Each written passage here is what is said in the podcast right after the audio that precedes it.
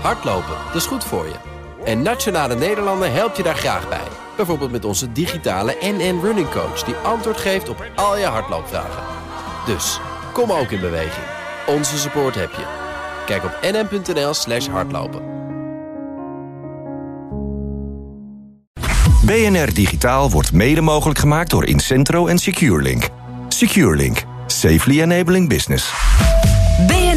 Nieuwsradio. BNR Digitaal.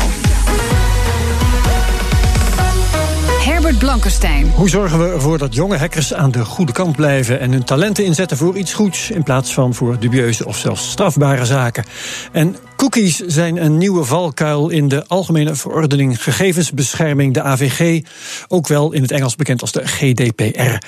Mijn backup is vandaag Michiel Steltman, directeur van de Stichting Digitale Infrastructuur Nederland. Goedemiddag. Welkom. En we beginnen met het technieuws. Daarvoor is binnengekomen Ivan Verrips. Hoi Ivan.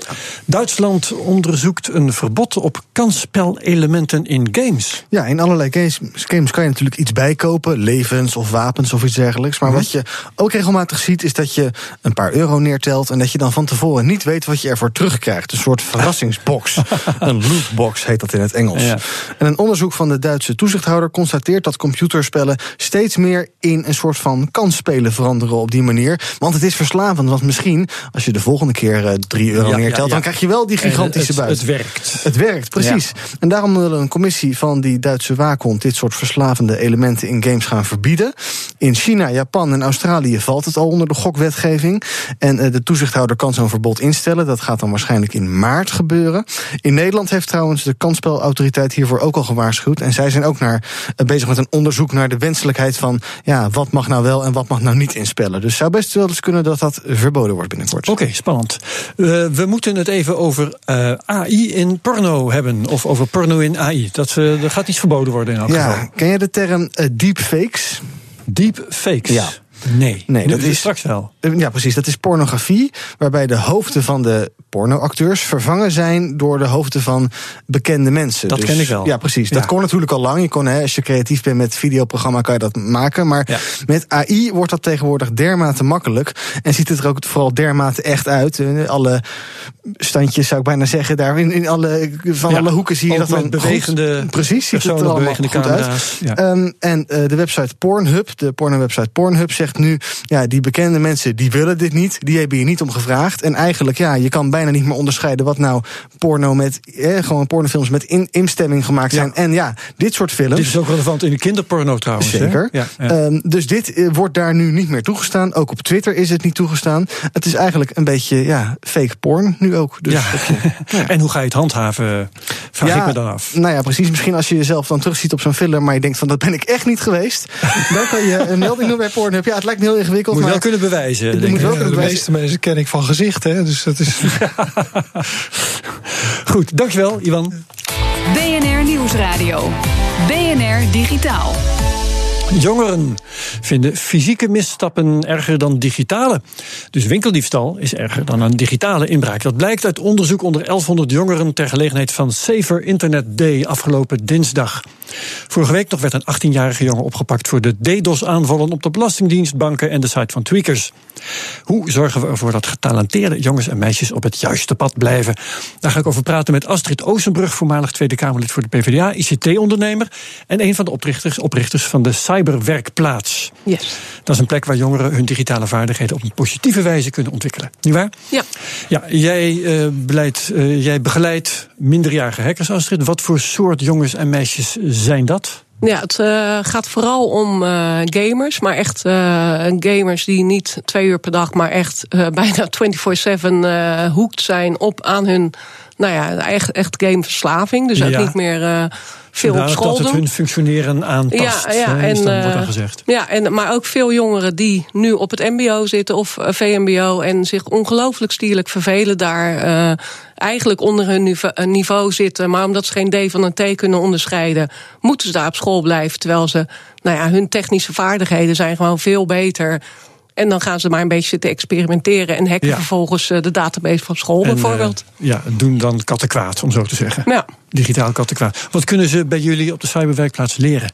Ja, ze kunnen heel veel leren. Onder andere het ethisch hacken. Dus de, wij zitten heel erg op die vaardigheden, want die hebben ze al. Dus die gaan we ze niet aanleren. We gaan ze wel leren. Wat kun je daar vervolgens mee doen?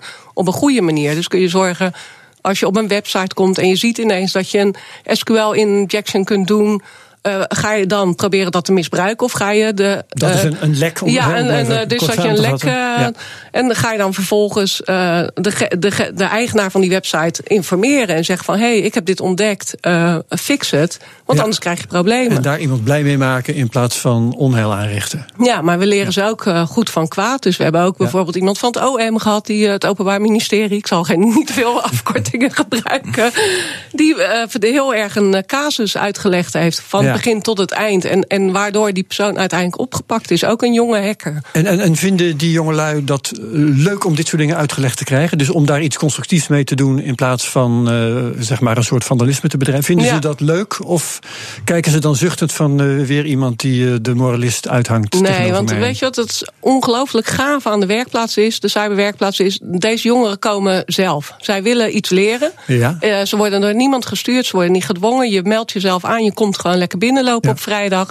Maar betekent dat misschien ja. ook dat je vooral diegene bereikt die het eigenlijk niet eens zo erg nodig hebben? Nou, je bereikt degene die dus al uh, de vaardigheden hebben. Want daar gaat het om. Ja, ze hebben wel. de skills. Alleen ze weten niet hoe ze ermee om moeten gaan. Of ze hebben helemaal geen uh, flauw benul. Wat nou uh, strafrechtelijk niet in orde is. maar en ze wat hebben wel. al bedacht dat het een goed idee zou zijn om, om naar jullie toe te komen. En anderen die komen dan op dat idee niet. En die bereik je dus niet. Nee, nee. En uh, daarom, uh, nou ja, we, zitten nu in Rotterdam. We proberen het wel een beetje uit te breiden. En gewoon meer bekendheid te krijgen. Ook om uh, de jongeren te laten zien. Er is een plek waar je terecht ja. kunt. Uh, ook in, uh, nou ja, naar aanleiding van dat hele onderzoek van 7 Internet Day. Van op het moment dat je denkt van wacht even, wat ik nu doe, klopt dit eigenlijk wel? Dat je ergens heen kunt. Nou, dan kun je altijd uh, naar info.cyberwerkplaats.nl en dan geven wij wel advies. Begin stel dan even de vraag. Hoe kijken ze daar nou tegenaan als je zegt van ja, dit mag niet en dat? Wat zijn de reacties? verbazing of zijn ze het daarmee eens? Uh, dingen die wel of niet mogen op het internet? Want dat drempeltje is natuurlijk best wel ja. laag. Hoe, hoe, reageren ze daarop? Nou ja, we hebben inderdaad we hebben een jurist aan het woord gelaten. Een van de eerste lessen. En ik zag echt sommige jongeren echt wit wegtrekken van... Uh, ja, ik wist helemaal niet dat dit gewoon strafbaar was. Dus... Uh, ze, want ze, het, het, ja, hacken is ook gewoon heel erg nieuwsgierig zijn. Kijken hoe ver je kunt gaan. Waar, waar kun je binnendringen? Dat is hartstikke spannend dat je ergens bezig bent. Ja. Nou ja, tenminste voor een bepaalde doelgroep is dit heel spannend. Er zijn ook genoeg jongeren die denken van uh, ik ga wel lekker uh, gamen of wat anders doen. Maar voor heel veel jongeren is dit ook heel interessant. Maar uit het onderzoek is dus gebleken dat jongeren digitaal inbreken minder erg vinden dan, dan ja. fysiek inbreken. Um, Vind jij dat ook? Of is het hetzelfde? Of is digitaal eigenlijk erger? Wat, wat vinden grote mensen daarvan? Nou ja, weet je, de impact is gewoon anders. Ik bedoel, het ja. is ook als ik een winkel instap en ik pak een brood en ik stop het onder mijn jas. Nou ja, dat is ook wel heel spannend natuurlijk. Ja, want je loopt bankdedels is wel wat ja, ingrijpender. Ja, maar dat, uh, ja, een bankdedels is wel weer van. Dat kun je ook wel donders goed weten dat dat echt strafbaar is. Want dat is inmiddels wel duidelijk. Maar als je mm-hmm. bijvoorbeeld. Ja, je bent aan het googelen en je vindt ergens ook, zoek een mp3'tje. Hé, hey, die staat er, dus die download je. Dat voelt niet als diefstal. Want het staat gewoon online, je kunt het gewoon downloaden ja. en je kunt het afspelen. Dus, en dan vervolgens uh, krijg je mensen ja, achter je aan die zeggen... Het zijn waarschijnlijk ook niet alleen jongeren die uh, dat toch nog doen. Hè? Nee, nee, nou ja, toch moet ik zeggen dat als je wat ouder wordt, word je ook wat wijzer, ja. uh, weet ik inmiddels. Ik kom nog van de generatie waar je niet eens dingen kon kopen online. Het was alleen maar Klopt. downloaden, dus ja, dat is er zit wel een kantering. Ja. Maar je moet het ze wel leren. Je moet de jongeren echt wel leren waar de grenzen liggen. Ja. En daar zit die nu echt een hiaat tussen. Tussen wat jongeren op school leren en wat hun echte leven is. Zij ja. zijn connected geboren. Alles is voor hun data. Nou ja, noem het maar op. En de uh, klanten, zou ik bijna zeggen, die bij jullie binnenkomen en die dus dit soort dingen uitgelegd krijgen, um, hoe verlaten die het pand weer? Uh, krijgen ze dan onmiddellijk een baan of uh, hoe gaat het met ze verder? Nee, we hebben wel een, uh, op een gegeven moment een pilotweek gedaan. Uh, er waren tien jongeren. Uiteindelijk hebben we ook op stage gestuurd. Het aantal bleef bij ons hangen. Daarvan zijn er vier in, echt in een betaalde baan terechtgekomen. Nou, dat is natuurlijk uh, enorme opsteker ook voor ons. Want dat is niet het uitgangspunt. Het uitgangspunt is echt van. Nou, je wordt van school getrapt omdat je dingen aan het doen bent die je eigenlijk niet mogen. Je komt bij ons en daar leer je dat eigenlijk al die vaardigheden die je hebt, eigenlijk hele goede vaardigheden uh, zijn. Als je ze maar goed gebruikt. Ja, Michiel, uh, jij vertegenwoordigt hier ook een beetje de, de infrastructuursector in Nederland. Um, hebben jullie erg veel last van dit soort hackertjes? Nou, last, dat kun je niet zeggen. Kijk, veel bedrijven zijn natuurlijk best goed beschermd. Hè? Als je dat grote plaatje kijkt, eh, we, we spreken ONA over die digitale wereld. Maar per saldo valt het natuurlijk allemaal best wel mee. Als je het in perspectief zegt van wat er dagelijks gebeurt. Mm. En andersom, eh, de talenten die, eh, die je nu vindt. Wat ik heel interessant vind, is dat de arbeidsmarkt hè, van van IT-bedrijven die zoeken. We zoeken allemaal uh, eigenlijk het stereotype patroon van uh, witte mannen van 30 met 20 jaar ervaring. en dat je nu ineens blijkt dat mensen met hele andere kwaliteiten ontzettend waardevol zijn. Ja. mensen met stoornis in het autisme spectrum. En je kunt beter zeggen eigenschappen in het autisme spectrum. Die zijn uitstekend in camerabeelden beoordelen, in inbreken of hack of zo. Ik vind dat echt een verrijking voor ja. arbeidsmarkt en samenleving. Dus ik omarm het de sector. Uh, we moeten het, dit onderwerp hierbij laten. Nee, dat geeft verder niet. Astrid Oosterbrug, hartelijk bedankt in elk geval. Uh, veel succes met de cyberwerkplaats. Het heeft even geduurd, maar eindelijk is hij er dan. De slimme speaker van Apple, de HomePod. Zometeen hoor je het, de eerste review. BNR Nieuwsradio. BNR Digitaal. Na vergelijkbare producten van Amazon, Google en Sonos gaat aanstaande vrijdag, na de nodige vertraging, eindelijk de HomePod, de slimme speaker van Apple, in de verkoop. Nilay Patel van The Verge heeft de HomePod al kunnen testen en Ivan Verrips bekeek zijn verslag. It's a $350 speaker that has Siri. The basic idea is pretty simple. It's covered in a weird spongy fabric. There's a touch display on top and it's surprisingly heavy. But the HomePod is pretty limited. Siri just can't do as much as other assistants. And the only music service you can control with your voice is Apple Music. En daar heb je eigenlijk het grootste bezwaar al te pakken. Met de HomePod kan je Spotify niet bedienen. Hoe onhandig is dat? Maar als je dan muziek krijgt uit het 350 dollar kostende apparaat, dan klinkt dat wel goed. The HomePod sounds incredible for its size and price.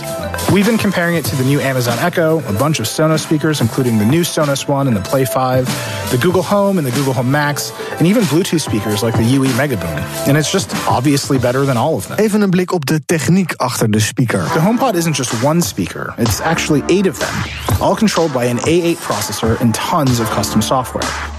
There are seven tweeters that fire down and out from the bottom, and a single four inch woofer pointing out of the top for low frequencies. There's also a total of seven microphones six around the middle for Siri, and a seventh inside that measures the location of that woofer so Apple can precisely control the bass. En dit is cool. Als je de HomePod plaatst, bijvoorbeeld in een hoekje van je huis, dan zorgt het apparaat ervoor dat je muziek automatisch goed klinkt. Ongeacht de ruimte. First, it uses the mics to detect any walls nearby so it knows how sound will bounce off of them. Second, it uses those seven tweeters to form a virtual array of sound beams that are assigned direct and ambient sounds like vocals and applause. The ambient channels are pointed at the walls to reflect, and the direct sounds are pointed out at the listen. Oké, okay, de muziek klinkt goed, maar is die speaker nou ook echt slim? Nou. Siri just can't compete with Alexa's huge array of skills or Google Assistant's ability to answer questions.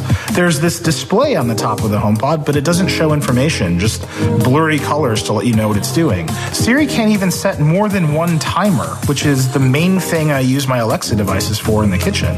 It's crazy. Oh, En dan is er ook nog een privacy-risico. Siri on the HomePod can't recognize multiple voices. This doesn't sound like a big deal, but if you just power through the setup without thinking about it, literally anyone can ask the HomePod to read your text messages if you're on the same Wi-Fi network. So if I'm in the basement and the HomePod's up here, someone can just roll up to it and start sending iMessages or ask it to read my most recent message, and I'll never know. Goed, tijd voor een conclusie. As a speaker, the HomePod is a huge accomplishment. It sounds incredible. But Apple's audio engineering team should be pretty frustrated with the executives at Apple who decided that this thing needed to be restricted entirely to Apple's walled garden. If the HomePod would just open up a little bit and let you use the music service you wanted, let Siri be a little bit more extensible, and would just be a little bit more capable, it would be the only speaker to buy. Oh zo. Een link naar de review van The Verge en wat andere technologie-sites vind je na de uitzending op bnr.nl/slash digitaal. BNR Nieuwsradio. Herbert Blankenstein. Heb het hier vaak gezegd en ik zal het nog wel een paar keer zeggen in BNR Digitaal. Vanaf 25 mei kan je boetes krijgen als je niet aan de nieuwe Europese privacyregels voldoet. De AVG, alias de GDPR. Een van die regels is dat je afspraken moet maken met externe partijen die persoonsgegevens van jouw bedrijf gaan verwerken. persoonsgegevens van je klanten, je bezoekers of je gasten. Maar daarover is nog veel onduidelijk, onder andere in de online advertentieindustrie. Daar ga ik over praten met Tim Genen van het Amsterdamse bedrijf Factor, met een K, daar ergens in het midden. En hij is ook voorzitter van een privacywerkgroep van het IAB, het Interactive Advertising Bureau. Welkom, ja, Tim. Dankjewel. Uh, we hebben het nu voornamelijk over de wereld van, van de cookies. Hè. Wat is daar zo onduidelijk in aan? Eerst moet je misschien begrijpen wat een cookie is. Een cookie is ja. een tekstfile die geplaatst wordt in jouw browser. En daar staat dan een identifier in. En die kan gebruikt worden om jou opnieuw te benaderen met gerichtere advertenties. Ja. Dat kan gedaan worden door meerdere derde partijen. Als je kijkt hoe het hele advertentie-ecosysteem in elkaar zit, dat is een link van heel veel verschillende partijen die jou een advertentie kunnen en mogen vertonen nadat ze mee hebben gedaan aan een veiling. Ja, en uh, zo'n cookie wordt in feite geplaatst door een advertentiemakelaar meestal. Hè? Dat ja. is de partij waar je als website mee te maken hebt. Ja, correct. Ja. Um, maar zijn cookies wel persoonsgegevens? Wat hebben die te maken met die AVG? Nou, een cookie aan zich is geen persoonsgegeven. Dus een pseudo-anonimiseerd getal. Ja. hoeft nergens voor te staan. Maar hij kan wel gebruikt worden voor profiling. En profiling valt onder de AVG. Dus als ik met je, uh, als ik jou iets kan vertonen en ik kan een uitzondering maken voor een andere persoon, dan moet daar een bepaalde wet voldaan worden. Ja, dan moet je dus met bedrijven die op jouw site cookies plaatsen, een data processing agreement hebben. Wat is dat? Dat is een document, daar worden alle afspraken in vastgelegd die jij maakt, die jij als BNR, de website-owner, met jouw derde partijen, die van jou van advertenties voorzien. Wat je daar moet vastleggen is, wat is het doel? Wat gaat er gebeuren met die data? En hoe lang gebeurt dat? En als dat verandert, moet dat ook gecommuniceerd worden naar je gebruikers. Nu is het niet zo dat je een data processing agreement nodig hebt met elke partij. Mhm. En dat is denk ik ook waar de moeilijkheden ontstaan. Er zit een gat daar. Niet alle rollen zijn volgens de AVG zijn duidelijk. Als jij als website als BNR, ik heb vanochtend toevallig een analyse gedaan, dan zie je daar een aantal derde partijen staan waarvan ik betwijfel of jij überhaupt weet wie die derde partijen zijn. Nee, want die advertenties die worden vaak automatisch gegenereerd in een of andere online veiling. Dat gebeurt in microseconden. Daar worden geen contracten voor uitgewisseld en ondertekend. Nee, maar dat, dat is de vraag. Dat zou dus wel moeten. En je, je hebt hier te maken met je hebt de, de WP29 werkgroep eh, op EU-niveau. En het probleem is, de GDPR voorziet in heel veel dingen, dus AVG. Uh, maar er zou ook een aanvullende wet komen. En die heet de e-privacy directive. En die zou gelijk uh, starten met AVG. Maar dat zit er niet in. En juist in die e-privacy directive worden allemaal dit soort scenario's worden daarin besproken. Oké, okay, dus is, er is een gat. Is, uh, Michiel Steltman. Kun je, kun je stellen dat die, uh, die e-privacy en de, en de GDPR bezig zijn om uh, businessmodellen om zeep te helpen? Ik stel het maar even heel stevig. Scherp stellen, niet om zeep helpen. Graag een scherp antwoord dan. Ja, nee, ik zie dit als een correctie op het internet. Ik denk, als je kijkt, de laatste tien jaar hebben we altijd content gelezen. Ik denk dat iedereen heeft gedacht, het internet wordt gratis. Daar staan advertenties, maar je hebt niet direct het beeld daarvan dat die betalen voor die content die je zojuist geconsumeerd hebt. Dus er is een waarde-exchange, maar die is niet duidelijk als gebruiker. GDPR, AVG zegt nu eigenlijk, als consument, je krijgt vijf rechten. Je mag je data zien, je mag hem aanpassen, je mag hem verwijderen, je mag erover klagen. Maar dat bestaat dus niet voor het advertentiegedeelte. Gaat die markt daarmee veranderen? Zeker. Maar gaat die markt ophouden? Nee, helemaal niet. Ik denk in grote mate betaalt advertising voor content. Goed, maar jij, jij hebt nu met jouw bedrijf een, een, een cookie-scanner ontwikkeld. Uh, bij BNR heeft die uh, een aantal dingen aan het licht gebracht. Wat moet BNR nou bijvoorbeeld gaan regelen morgen? Nou, ik zou zelfs even kijken naar die scan. Welke bedrijven gebruiken jullie? Ja. En dan de eerste afweging die je maakt is... welke van deze bedrijven voegen hier wel waarde toe? Er staat bijvoorbeeld een Russisch bedrijf op jullie website... waarvan ik me dan afvraag, levert dat dan ook omzet op? Okay, we dus ook een paar uitknikkeren. Ja, ja, zeker. Mogelijkerwijs. Ja. Goed, dat is niet uh, onze zaak als redactie van BNR Digitaal. Maar zo kan, waar het om gaat, is zo kan ieder bedrijf dus uh, bijvoorbeeld met jou, uh, jouw tool erachter komen wat er eventueel aan de site moet worden verbouwd. En wat er misschien ook administratief nog moet worden geregeld aan overeenkomsten. Ja, beide. Kijk, dit is voor ons een tussenoplossing. We, hebben eigenlijk, we waren bezig met een platform te bouwen dat de controle over data aan de consument geeft. Die vijf rechten die ik zojuist noemde daar wil je, dat wil je voorzien aan consumenten. Alleen niemand gaat dat doen voor 25 mei. En dan heb je het probleem, met wie moet je dat dan precies doen? Als jij ja. 60 tot 70 verschillende derde partijen op jouw website hebt. Waar begin je dan? Dus laten we, hebben we gedacht, laten we dat eerst inzichtelijk maken. Ja, maar kan dat niet ook uh, technisch geregeld worden? Want uh, die advertenties die worden snel op online veilingen automatisch gegenereerd. Ja. Kunnen die overeenkomsten niet ook automatisch worden gegenereerd? Waarschijnlijk wel, maar je zal ze wel transparant moeten maken. Ik denk met name richting de, de, de data subject, de gebruiker, moet je wel iets van inzicht kunnen geven. Ja. Ik vond het heel opmerkelijk dat je zei van niemand gaat dat doen voor 25 mei. Maar dat is natuurlijk een beetje raar, want die wet is gewoon al in effect. Hij wordt alleen nog niet ge- Gehandhaafd. gehandhaafd. Dat gebeurt op 25 mei. Dus leg dat eens uit. Waarom denken mensen, nou ik wacht wel even tot ik echt eh, boetes ga krijgen of zo? Hoe zit dat? Nou, ik denk niet dat iemand zit te wachten op boetes. Eh, Het is alleen, mensen hebben moeite met de onduidelijkheid. En het zijn nogal veranderingen die je vraagt. Laten we even BNR weer als voorbeeld nemen. Ik kan daar nu gewoon op de website komen. Jullie vragen mij niks. Ik hoef niet in te loggen. Ik hoef me niet bekend te maken. Waarom? En na 25 mei, Omdat het makkelijker is voor de, voor de bezoeker. Ja, en dus gunstig voor BNR. als je dan kijkt, natuurlijk, dat begrijp ik vanuit één perspectief. Maar er moeten ook salarissen betaald worden. En er moet content gemaakt worden. Ja. Die omzetstroom zal je ergens moeten beschermen. Oké, dus daar is werk aan de winkel. Eh, wie moeten wij tot slot een schop onder de kont geven als het gaat om die e-privacy directive die er nog niet is? Ja, alle lidstaten eigenlijk. Oké, dan gaan we straks even een rondje lidstaten doen. Eh dankjewel voor je toelichting, Tim Genen van Factor. Tot zover BNR Digitaal voor nu. Michiel Steltman was mijn backup. Hartelijk dank voor vandaag. En we gaan er vandoor, maar niet voordat we je bijpraten over de wereld van het digitale geld. Chris Larsen van Ripple staat bovenaan een lijst van Forbes met de rijkste mensen in cryptovaluta. Larsens vermogen wordt geschat op 7,5 tot 8 miljard dollar, maar het kan inmiddels wat minder zijn door de koersdalingen in cryptogeld. Toch zal Larsen wel even de rijkste blijven, want nummer 2 is Joseph Lubin. Ik spreek het nog even op zijn Engels uit. Medebedenker van de Ether met slechts 1 tot 5 miljard.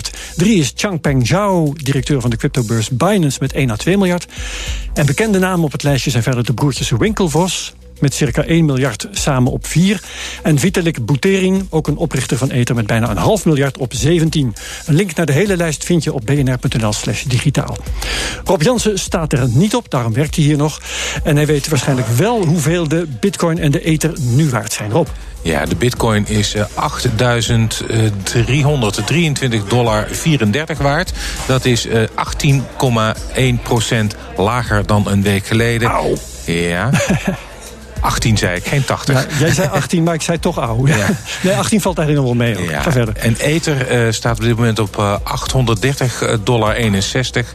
En dat is een min van 24,9 procent. Vergeleken met een week geleden. Oké, het zal nog wel even heel spannend blijven daar in Cryptoland. Dankjewel Rob Jansen. En wat de redactie van BNR Digitaal betreft, heel graag tot volgende week. BNR Digitaal wordt mede mogelijk gemaakt door SecureLink en Incentro, een IT-bedrijf. Business Booster. Hey ondernemer, KPN heeft nu Business Boosters. Deals die jouw bedrijf echt vooruit helpen. Zoals nu, zakelijk tv en internet, inclusief narrowcasting... de eerste 9 maanden voor maar 30 euro per maand. Beleef het EK samen met je klanten in de hoogste kwaliteit. Kijk op kpn.com slash businessbooster. Business Booster.